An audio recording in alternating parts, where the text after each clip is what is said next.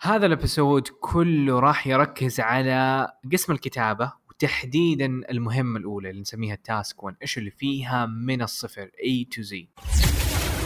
This is دليلك بودكاست أهلا وسهلا و good morning guys بإذن الله اليوم حيكون يوم ال task 1 اللي هو عبارة عن جزء في ال writing ف we'll talk about it a little bit in detail. فقبل ما أبدأ أحب إنه أتكلم عن أسئلتكم أو أسئلة الناس اللي لسه دوبها بادية في ال IELTS ولسه يعني يبغوا يعرفوا إنه كيف يجيبوا هذا الاختبار وكمبادئ للناس اللي دوبها متابعيني. اول شيء إذا أنت دوبك متابعني أو تبغى تعرف هرجة ال IELTS وتطوير اللغة أفضل مصدرين بصراحة أول حاجة قناتي على اليوتيوب فيديوهات ملخصة مرتبة القوائم حقت الفيديوهات جدا مرتبة ف that's the first thing I recommend ف سويت subscribe أو دخلت أو حفظت أو س...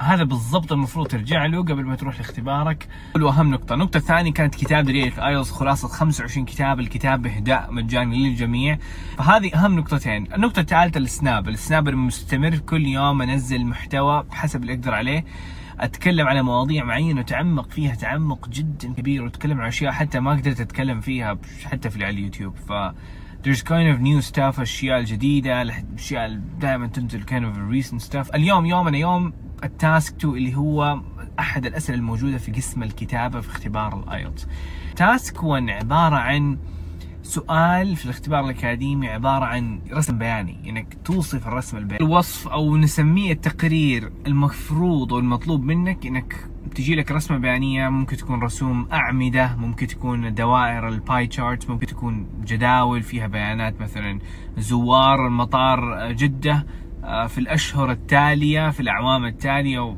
فاهم علي يعني زي بيانات كثيرة وإنت عليك تكتب تكتب تقرير تشرح فيه هذه البيانات أو كأرقام تكتبها بطريقة إنها توصف إيش اللي إنت قاعد تشوفه.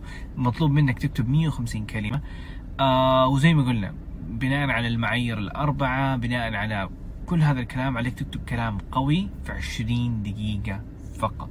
حاجة دائما ثابتة في ال task 1 انه هو فعلا حيكون فقط تقرير.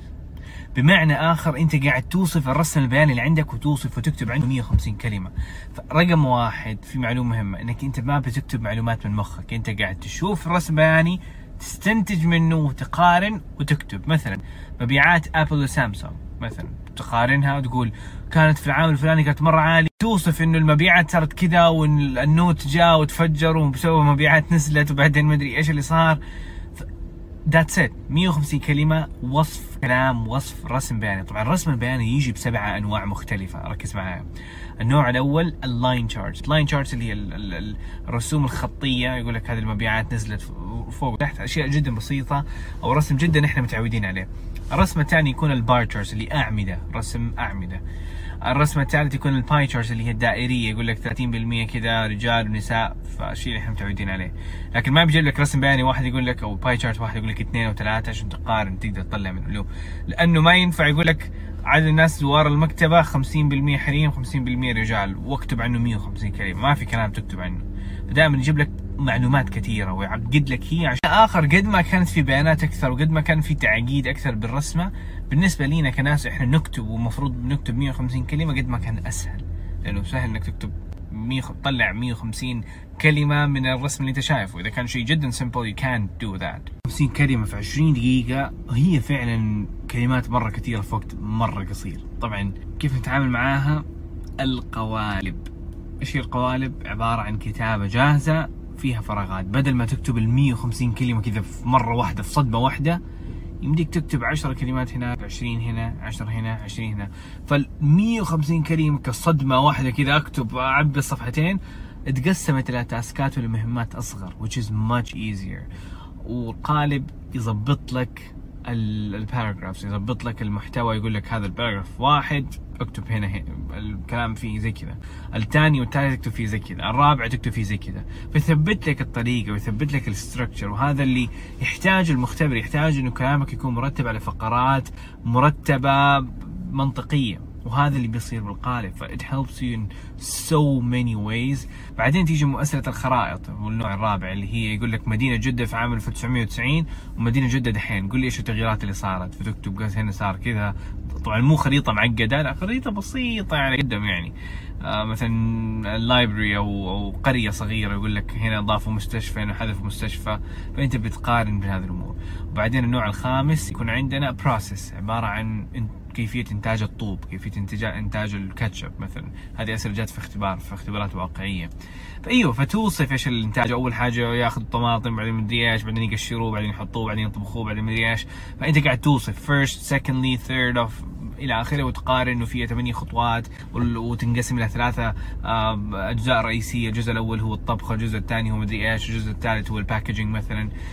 فايوه أنت قاعد توصف الرسمة أو وطبعا في نوع سؤال نسيته اللون ال- النوع السادس اللي هو ال tables اللي هي زي ما قلت لكم. ف قلنا مثلا line charts bar charts pie charts tables maps process أو diagram بعدين النوع السابع أنا أسميه نوع سابع نسميه multi charts إنه يجيب لك line chart ويجيب لك خريطة يجيب لك line chart ويجيب لك pie chart فيجيب لك أكثر يعني يعطي لك زي of a combination of two different types وأنت عليك مرة ثانية توصف.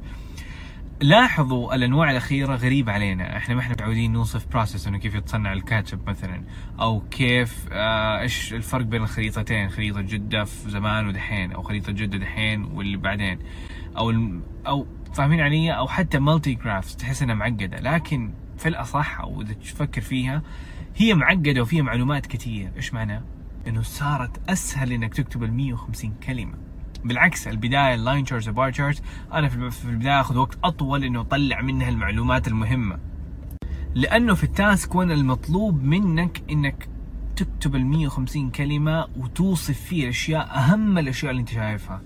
ما ينفع إنك تقول في عام 1900 مثلا عام 2015 مبيعات آيفون كانت كذا وسامسونج كانت كذا.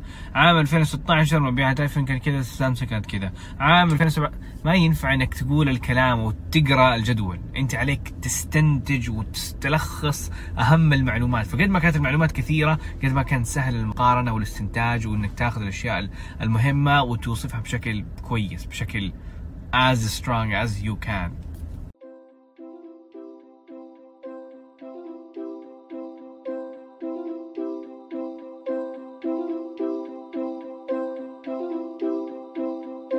thank you so much for listening. مرة مقدر اهتمامك واستماعك ودعمك. فهذه الأيام صراحة بحاول إنه أعطي أفضل ما عندي وإنه أساعد الجميع. فأي سؤال وأي استفسار كلمني على الخاص. وإذا حبيت إنك تتابع البودكاست لأنه قاعد أنزل حلقات مرة قوية عن التحفيز عن ال IELTS عن تطوير اللغة عن قصتي فتابعني على دليلك في IELTS dot com slash podcast عشان تشترك في البودكاست هذا. ويعطيكم ألف عافية. مع السلامة.